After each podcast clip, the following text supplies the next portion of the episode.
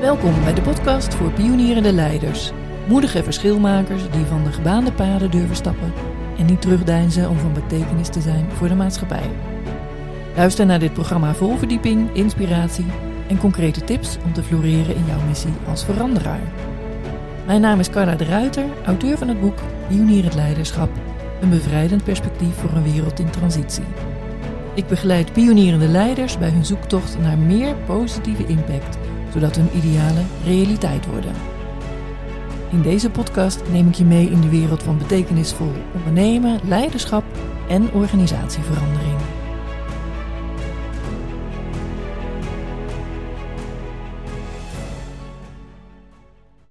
Mijn gast van vandaag heeft een passie voor tekst en creatie.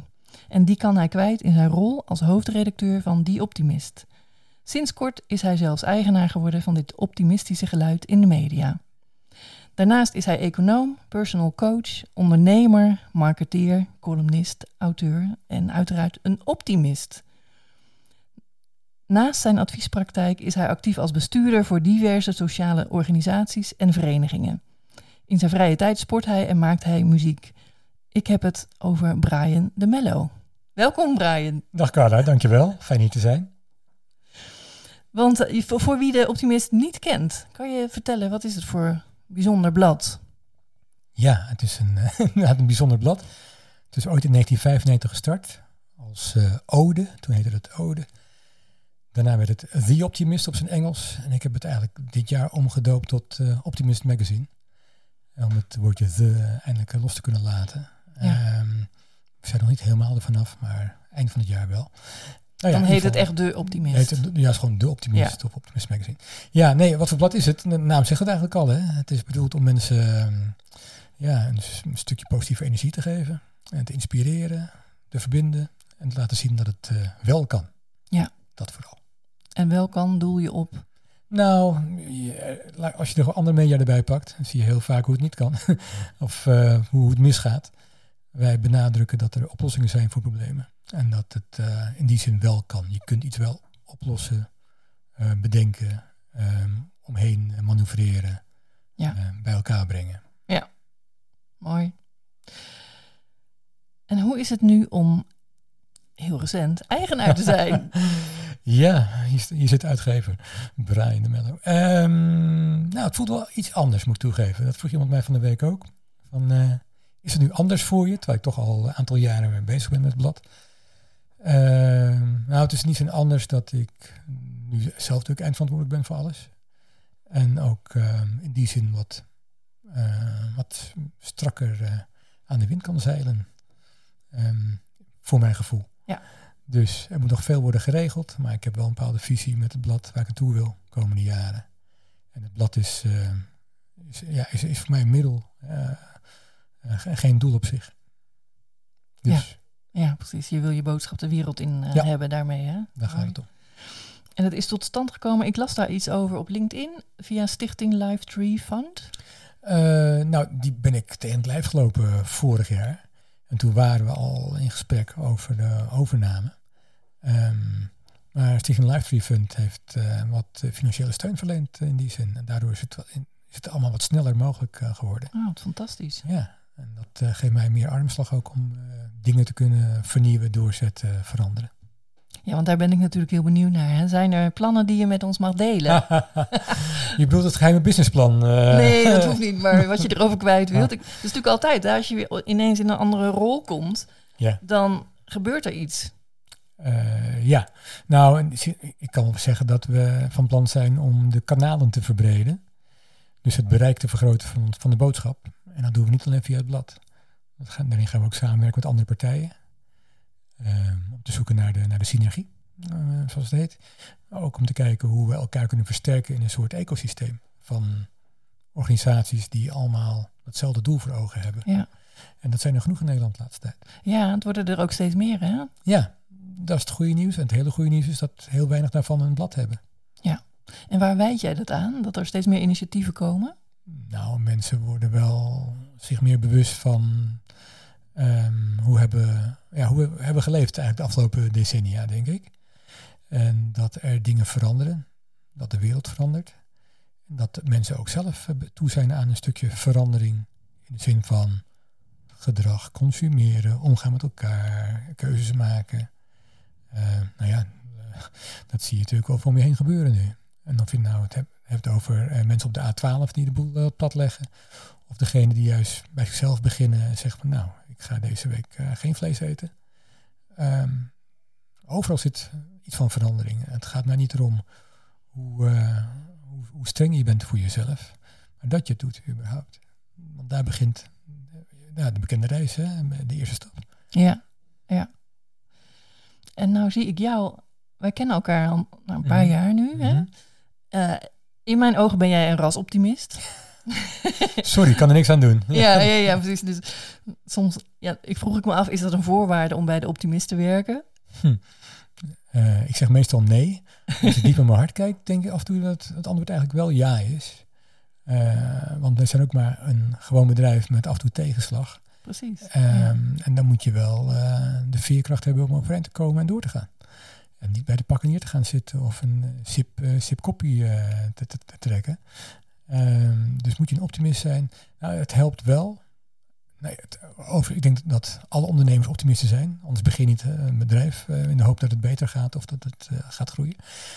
Uh, maar als je geen ondernemer bent en wel werkt voor iets als, als de optimist, dan is het handig om in ieder geval ehm, een bepaalde levenshouding te hebben die dat uitstraalt. Um, want wat gebeurt daarmee? Daarmee trek je ook het optimisme aan bij anderen. En daar zijn we naar op zoek ook. Ja, ja. Ik had ooit jarenlang geleden, ja, ik denk dat ik, ik was ergens begin twintig en toen werkte ik voor een werkgever en die, daar had ik altijd een uh, discussie mee, want ik zag mezelf toen al als een optimist. maar hij zei, ja, nee, die zijn echt helemaal niet realistisch. En hij was zelf van huis uit psycholoog. En hij zei, nee, er zijn zelfs onderzoeken die uit hebben gewezen dat pessimisten het vaker goed hebben. Dat, dat ze eerder gelijk hebben dan de optimisten. ja, ik, ik ken die, die verhalen. Sterker nog, ik lees ze nog maandelijks. Uh, die, mensen die zeggen van ja, je hebt niks aan optimisme. Of uh, het is uh, steek je kop in het zand gedrag. Dat, dat soort opmerkingen. Ehm, nou ja, dan zeg ik heel simpel, wat is het alternatief? Ehm, dat is kennelijk... Eh, kijk, mensen denken heel vaak dat het tegenoverstel van optimisme pessimisme is. Maar dat is niet per se zo. Uh, vaak is het juist het, het cynisme of het uh, fatalisme wat er tegenover staat. Ja. ja, en dan is voor mij de keuze niet zo moeilijk. Zeg. Nou, dan kijk ik liever naar dat halfvolle glas toch wel. Of ga even wel kijken waar de hoop is. Als die maar realistisch is. En ik, ik ben niet van het type, heb ik vaker in, uh, in podcasts mogen roepen. Ik, ik ben niet het type dat zegt van, uh, oh het zijn we toch heel blij vandaag in de zon schijnt en joepie de poepie. Ja dat, dat is voor mij niet de definitie van optimisme. Nee, dus, je bent er ook een realist in, als ik het zo ja, ja. En, en, optimisme is een werkwoord voor mij. Je moet het doen. Je moet gewoon dingen in beweging brengen en voor de verandering zorgen. Ja. Nou delen wij de missie dat we in deze transitietijd initiatieven willen helpen groeien, die iets wezenlijks te vertellen hebben. Ja. Maar waar komt dat bij jou dus vandaan? Dat is een bepaalde drive, hè? Om die behoefte om de wereld mooier te maken, om iets positiefs naar buiten te brengen. Mm ja, dat is een hele goede vraag. Nou, dan ga ik even bij de psycholoog op, uh, op, op, bed liggen. Uh, waar komt dat vandaan? Nou, ik heb altijd wel al een hele sterke creatiedrang gehad. Van, van kinds af aan. Dus ik was altijd bezig met dingen maken. En uh, in die zin iets maken waar anderen ook iets aan hadden. Uh, en als ze het mooi vonden, vond ik het erg leuk. En als ze het mooi vonden, was even pech. Dan vond ik het mooi. Weet je, dus ik, ik heb uh, ik ben niet op zoek naar waardering van, van, van, van buiten in, in die zin. Wat ik wel mooi vind, en dat is ook uit mijn lievelingswoord, creëren. Het is iets van, van niets iets maken. Um, en, het, en mensen die dat ook doen, daar heb ik een stukje gevoel mee. Um, dus ja, die wil ik ook helpen in die zin om, uh, om hun verhaal groter te maken. Uh, dus ik denk dat daar een stukje zit van uh, waar komt die drang vandaan? het willen creëren en het liefst willen creëren in gezamenlijkheid ja, als ik naar mezelf kijk, is dat een, het meest eerlijke antwoord dat ik hem verzinnen. Ja, ja ik, ik, ik moest daar aan denken toen ik dit aan het voorbereiden was. Want er is een onderzoek geweest van een meneer, ook, ook een psycholoog, die heeft gekeken naar ondernemers die dus dit soort dingen doen, die dus zo'n passie hebben voor een mooiere wereld. Van waar komt dat nou vandaan? En hij ontdekte best wel iets heel bijzonders, Mhm. namelijk dat dat eh, eh, over het algemeen mensen zijn die vroeger iets hebben meegemaakt als kind en daardoor op latere leeftijd op zoek blijven naar harmonie. Dus naar een harmonieuze wereld. Omdat het een soort mechanisme is wat in hen dan is ja, wakker geworden. Kan je dat voor jezelf ergens plaatsen? Mm, Ja, voor een stukje. Ik, ik heb een geweldige jeugd gehad. Eh, maar mijn ouders hadden wel een trauma. Die zijn hals over kop eh, uit het eh, oude Nederlands-Indië naar Nederland gevlucht. Ehm, en ik heb een oudere broer en een zus. die zijn daar geboren. Ik ben net in Nederland geboren. Maar ik heb wel iets meegekregen daarvan natuurlijk. Ja. Als je het daarover hebt, over een stukje, hoe zeg je het in het Nederlands, Di- di- discomfort, eh, Ja. het ongemak, wat zij hebben ervaren, wat ik heb ervaren binnen het gezin ook in, in die zin. Ehm, dan heb ik niet eens over discriminatie of nou ja, de sociale status die opeens eh, van, van boven naar beneden eh, dukkelde. Mhm. Ehm, ja, dat is wel met, met de paplepel ingegoten. Dat ehm, ga later iets doen waar je blij van wordt. Eh, maar doe dat wel op de best mogelijke manier die je kunt. Ehm, dus ja, dan zit er wel iets van ehm, het willen compenseren voor het leed dat is aangedaan aan je familie. eh, dat zit er wel in, ja. Ja. ja, het is bijzonder, want de mensen die ik ontmoet, die ondernemer zijn en die inderdaad eh, bezig zijn met betekenisvolle initiatieven, die hebben echt stuk voor stuk allemaal een verhaal. ja, ik vind dat heel boeiend altijd. Ik Ja, bedoel, ben jij wel eens iemand tegengekomen die een vlekkeloze jeugd heeft meegemaakt? Ik eigenlijk nooit.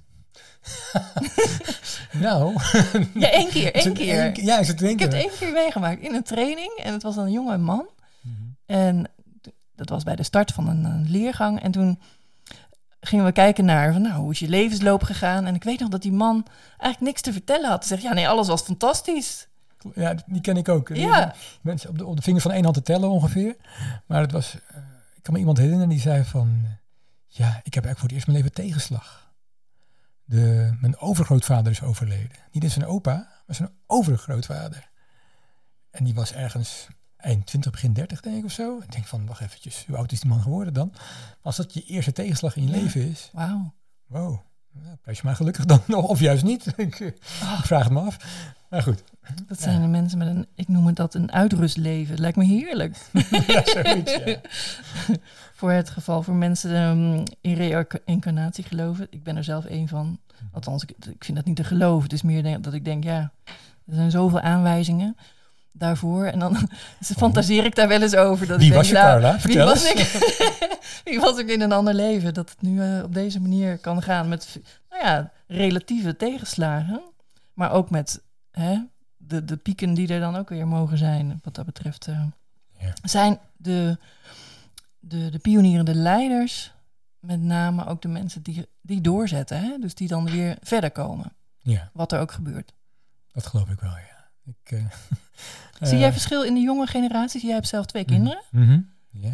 Hoe gaan zij om met wat, wat er in de wereld speelt? Hmm, ja, ik zie wel verschil met de jonge generatie, ja. Eh, ik moet altijd denken aan eh, het verwijt van die, die, die, die student die tegen zijn professor zei van ja, wat hebben jullie nou uit gepresteerd? Wij hebben eh, allerlei technologie tot onze beschikking, dit en dat. En toen zei de professor, ja leuk, wie heeft dat bedacht allemaal, denk je? Wie heeft dat gemaakt? Welke generatie was dat? Weet je, eh, ja, het is net, ik heb, ik heb wel eens, beken ik, eh, heel stiekem moeite met de manier waarop. eh ik klink, klink als een hele oude piep. ehm, de jeugd omgaat met bepaalde dingen die ze worden voorschoteld. Die ze op hun eh, dienblaadje gepresteerd krijgen. Dat is het ene wat ik zie. Aan de andere kant zie ik ook dat ze het zwaar hebben. Mhm. Ik heb net ook weer een artikel in het blad staan eh, waarin wordt vermeld eh, hoe jongeren te, te lijden hebben onder depressies en, eh, en vroege burn-outs en eh, noem maar op. Allerlei problematiek.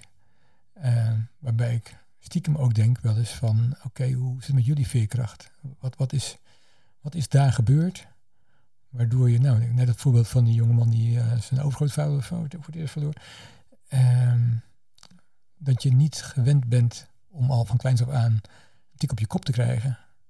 Uh, of met je, met je kop in het zand te moeten bijten. Dat heb ik genoeg gehad in mijn jeugd. Uh, als, ik, als ik terugkijk.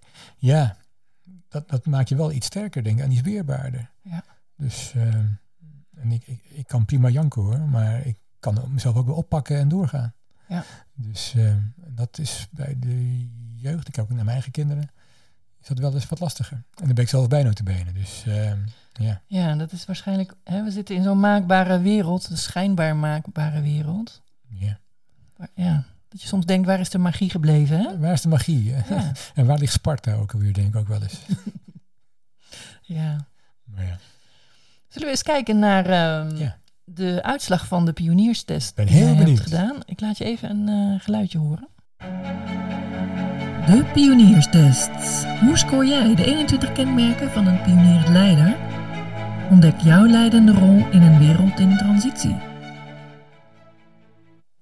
Nou, ehm, ik moet zeggen, wat ik heel erg grappig vond toen ik naar jouw profiel keek van die pionierstest. Die, die test kan je online doen op eh www.pionierhetleiderschap.nl slash pionierstest. Is dat je hem heel positief hebt ingevuld. Is dat zo? En daar bedoel ik mee, nou, je hebt jezelf, eh, nou, als je kijkt naar zo'n uitslag, hè, er, staat, er staan dingen op van wat is voor verbetering vatbaar, wat is voldoende vaardigheid en wat is zeer vaardig. Nou, dat je behoorlijk naar de zeer vaardig gescoord hebt. Ik heb hem heel snel ingevuld, kan ik je vertellen. Ehm, Maar dat is leuk, hè, want dat zegt altijd iets over hoe je zelfbeeld is. Van hoe, hoe Oh, gelukkig, hoe, te, hoe tevreden je bent. En dus ook hoe optimistisch je bent. Ik ben geslaagd, mooi. En je bent sowieso al geslaagd, sowieso. Want er is alles heb je Ja. op voldoende vaardig natuurlijk eh, gescoord. Waar ik even naar kijk is wat heel erg goed gaat. Ehm, dat is lef. Eh, dat klopt wel de laatste tijd, ja. Ja, nee, dat, zo, zo voel ik het ook wel. Nou ja, on- ondernemen is ook voor een deel lef hebben, toch, dacht ik. Vooral, vooral. Dus ja. ehm, En maar hoe ziet dat er voor jou uit, lef? Lef hebben? eh, keuzes maken en eh, genieten van het succes, maar ook accepteren als het fout gaat, dat het fout gaat. Dus eh, wat ik al eerder zei, niet bij de pakken neerzitten. Dat is voor mij lef. Als ik jou een beetje zo hoor, be- betekent dat volgens mij ook dat je, moet, dat je hard moet werken. Klopt dat? Eh, ik moet hard, maar ook slim werken. Ja, Ja. ja. Ja. ja dat klopt. Want dat zijn overtuigingen, hè? Mhm. Er zijn, ja, dat is altijd zo. Dat, Ja. ik spreek wel eens met mensen die ehm, uit Rotterdam komen, bijvoorbeeld. Waar natuurlijk dat een enorme arbeidsethos Mhm. is. Mhm. En dan eh, hebben we daar hele leuke gesprekken over. Van ja, is dat nou echt waar dat we denken dat we heel hard moeten werken? Of kan het ook met meer gemak? Ja. Ja. Ik ben eigenlijk gestopt met werken in 2015. Kijk, Ehm, en toen ben ik gaan doen wat ik echt leuk vond. Ja. En dat is dit. precies. Dan voelt het niet meer als werk, hè? Nee. Dat is mooi, mooie dus dat, aanvulling. dat scheelt een hoop. Eh, ik moet wel bekennen dat toen ik de vragenlijst invulde, toen dacht ik een paar keer van dit had ik 10, 15 jaar geleden anders ingevuld. Ja? Ja, ja, ja. En in de zin van? Eh, minder positief. Ja, dus er is, het heeft dus in ieder geval zijn vruchten afgeworpen dat je echt bent gaan doen waar je, waar je heel blij van wordt. Eh, ja. Ja, Nou, en hou me te goede. De, de periode daarvoor was ook heel leuk. Om natuurlijk ook, ik onderneem al sinds 2001. Ehm, en de periode daarvoor, dus tussen 2001 tot 2015, was ook heel leuk en leerzaam en boeiend. Maar die was heel anders dan nu. Ehm, los van met wie je werkt of wat je, wat je doet inhoudelijk. Eh, de, de, het resultaat is anders. Of de, de, de missie die je hebt is anders, Ja. ik zeggen. ja. Ja, als ik het zo hoor, ook in je verhaal is dat ook een verdieping weer, hè? Eh, ja. In eh, wat je allemaal mooi in de wereld kunt zetten. Veranderingsgerichtheid en ontwikkelingsgerichtheid. Scoor je ook heel, eh, heel hoog op. ja. Hou, hou je van verandering? Eh, een van de meest indrukwekkende lessen van de middelbare school was eh, de uitspraak van de oude Grieken dat eh, alles verandert, alles stroomt. Ehm, en toen dat muntje bij mij viel, nou, toen was ik iets van 16 denk ik of zo, 15. toen ben ik anders gaan kijken naar verandering. Vanaf dat moment. En ehm, het klinkt soms makkelijker gezegd dan gedaan. Ehm, maar als je beseft dat het leven verandering is, dan wordt je leven een stuk makkelijker. En dat, eh, dan heb je niet meer dingen om je heel hard tegen af te zetten of om voor af te sluiten. Maar dan kun je ze omarmen. Of uh, zeg van oké, het is zoals het is. Ja.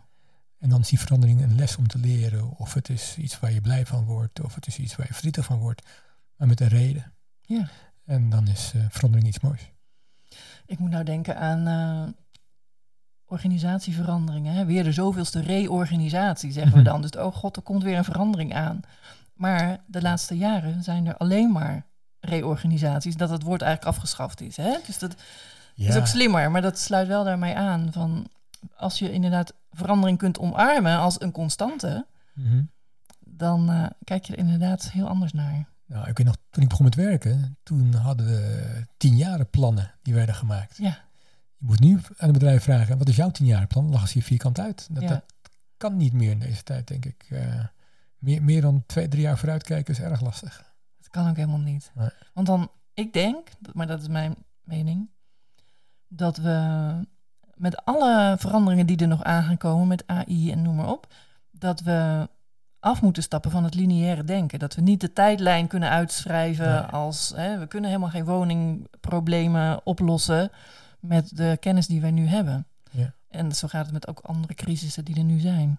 Dat denk ik ook. Ik denk dat uh, nou die omslag, dat is een van de dingen die ik wil bereiken met uh, wat, ik, wat ik doe. Ja. ja, klopt. Het niet al weten. Nou, daar ben je ook heel erg uh, goed in, zo te zien. Het niet al weten. Nee, ik leer graag. in die zin. Ik moet zeggen, ik heb ook afgelopen zeven, acht jaar best veel nieuwe dingen geleerd. Dingen waarvan ik dacht, hoe kom ik daar ooit mee in contact? Of hoe ga ik dat doen? Of nou te maken met leiderschap uh, bijvoorbeeld, op een bepaalde manier. Of met filosofische dingen. Uh, of het, het, het, omgaan met bepaalde mensen en netwerken van mensen. Ja, daar heb ik heel veel van geleerd afgelopen jaar. Wat, en wat is nou het meest opzienbarende wat je geleerd hebt? Poeh. Meest opzienbarend. Um, vertrouwen. Wauw. Denk ik. Ja. Ik denk, en dan kom ik een beetje in het, uh, het Jan Terlouw ritme misschien. Maar uh, um, het is ook iets wat... Uh, Um, professor Rob Martens uh, roept in een artikel dat in het blad staat over het vertrouwen hebben dat dingen gebeuren zoals ze ook mogen gebeuren. Kijk, uh, het, voorbeeld van dat je kinderen op school zet en ze laat toetsen uh, tot hun achttiende en hebben ze 4000 keer een toetservaring gehad. En hoe gezond is dat? Uh, misschien moeten we meer vertrouwen hebben dat die kinderen zichzelf ook kunnen ontwikkelen op een bepaalde manier, zonder alleen die toetsen te hanteren als norm. Dat je kijkt naar hoe ze zich als mens ontwikkelen. Nou, en dat vertrouwen, uh, dat, dat, kan je op zoveel manieren kan je dat zien, als je het wilt zien. In de maatschappij, maar ook in, in bedrijven, uh, tijdens evenementen. En soms wordt je vertrouwen geschaad en dat is jammer, maar ook daar leer je van. Ik had laatst nog zo'n zo, bizarre ervaring. Ehm, maar goed, dan, dan weet je ook voor de volgende keer, oké, okay, je, je kunt je neus stoten, maar de, de pijn gaat weg. Uh, je, je, neus komt weer, uh, komt weer recht te staan. uh, ja, maar dat, dat, kijken naar vertrouwen en wat het doet met mensen, dat uh, misschien wel het meest bizarre, ja. mooiste wat ik heb geleerd. Ja, dat is ook het mooiste. Mooi. Hoe kijk je naar visie, perspectief, voorstellingsvermogen? Dat is een van de eerste uitslagen. Deze scoor je namelijk wat lager. Terwijl ik dacht, hé, hey, als ik iemand bij uitstek een hè, vind, vind dat hij een visie heeft, ben jij het wel? Ja, ik, ik was een beetje in de war door die drie begrippen. Oké. Okay. Um, dus ja, visie, perspectief en? Voorstellingsvermogen. Voorstellingsvermogen, ja. Um, ik, ik had weinig voorstellingsvermogen bij de combinatie van die drie. Kijk, kijk een, visie, die heb ik onlangs nog op papier gezet, uh, van daar wil ik naartoe. Um, en het voorstellingsvermogen daarvoor, dat heb ik ook wel. Maar wat doe je met perspectief. Kijk, uh, is, is het rooskleurig of is het somber? Kijk, dat, dat, dat, is heel makkelijk. Voor mij is dat niet zo moeilijk. Want ik was die optimist, weet je. Dus, maar ik, vond, ik vond die lastig om daar zelf een, een, een hoge ranking. Uh. Ja, oh nee, dan begrijp ik hem. Want met perspectief wordt vaak ook bedoeld van hoe kijk, je vanuit welk perspectief kijk je naar iets. Want als je, dus stel, je bent iemand die uh, een, een, nieuwe visie op een land, nou noem maar eventjes een, een, een overheid die bezig is met allerlei plannen voor de toekomst vorm te geven. Vanuit welke visie, welk perspectief wordt er dan gekeken? Is dat om Europa verder te brengen? Is dat om het land verder te brengen? Is dat om een eigen hachie verder te brengen? Dus, zijn, dus maar van welk perspectief kun je kijken? En ben je daar bewust van? Ja, op die manier. Oké, dan stap ik hem zo. Maar dan zou ik nog steeds splitsen in een paar vragen. Ja, ja. een paar onderdelen. Maar dat, dat is juist leuk, dat we daar dan uh, in ieder geval het gesprek over hebben. Uit de comfortzone vind je minder fijn als ik het zo zie? Hmm, nou, weet je wat het is? Op een gegeven moment creëer je een comfortzone die, die, die past. Uh, en ik ben niet te beroerd om eruit te stappen uh, als nodig is. Maar ook daar weer geldt als het nodig is. Want ik merk dat uh, de tijd is beperkt. Ook al komt hij elke dag terug, die klok, op dezelfde plek van de wijzers. Ehm, ik merk dat ik heel snel vaak, zeker in mijn rol die ik nu heb, keuzes moet maken die meteen resultaat hebben, meteen impact hebben. Als ik nu besluit een artikel niet te plaatsen, of wel te plaatsen, dan weet ik dat wat daarmee gebeurt verder, weet je. Um, dus in die zin um, ben ik geneigd om uh, een bepaalde formule, bijvoorbeeld, om die aan te houden. Terwijl ik diep in mijn hart ook weet dat het handig is om eens in zoveel tijd te kijken naar vernieuwing of naar die verandering. Um, ik weet niet of je het, als je je comfortzone wilt noemen, maar dan noem ik dat eventjes uh, de, de, de, structuur en de zekerheid die ik heb om een bepaald ding te leveren of te, te maken. In die zin hou ik vast aan, aan, aan, aan die formule. Ja, wat een mooi onderscheid. Zo had ik er eigenlijk nog nooit naar gekeken. Maar ja, dan heb je in combinatie met lef wel een heel mooi profiel, als ik het zo zie. Hè? Want dat, dit is oh. eigenlijk echt het profiel van een pionier, het leider. Oh. Die weet wanneer die uit de comfortzone gaat en wanneer niet. En wanneer dat nodig is. En voor de continuïteit is eigenlijk wat jij net vertelde.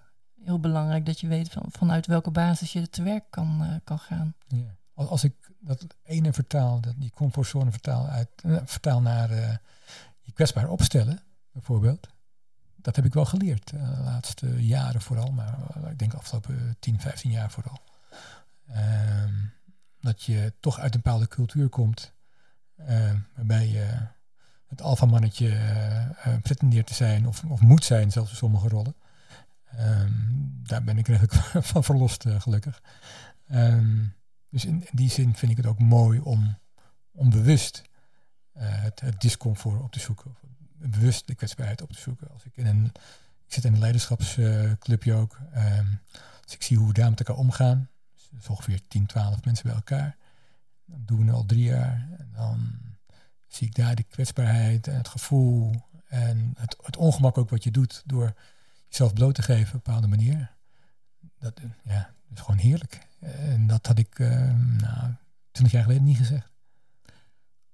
Ja, mooi is dat, hè? Dat dat ook gewoon meegaat met wie je bent, met de tijd en wat je, hoe je jezelf verder kunt ontwikkelen. Ja, gelukkig maar. Ja, gelukkig maar. Er is hoop, zullen we dan maar zeggen. nou, dat is elke keer toch wel weer een heel optimistisch verhaal wat je hier eh, vertelt, uh, Brian. Goh, nou, dan doe ik toch het goede werk misschien dan, hè? Eh, Carla. Als mensen meer willen weten over die optimist, waar kunnen ze naartoe? Ik zou zeggen, ga naar de website. Uh, het, heet, het, heet, nog theoptimist.nl of optimistmagazine.nl. Um, en daar vind je van alles. En uh, als je mij een mailtje wil sturen om te vragen, goh Brian, hoe, uh, hoe gaat het met je? Dan mag het ook. Gewoon naar redactie.theoptimist.nl. Nou, dankjewel voor dit mooie gesprek. En ik wens je weer heel veel succes met die optimist. Alsjeblieft, dankjewel. Dankjewel voor het luisteren. Wil je op de hoogte blijven en geen aflevering missen?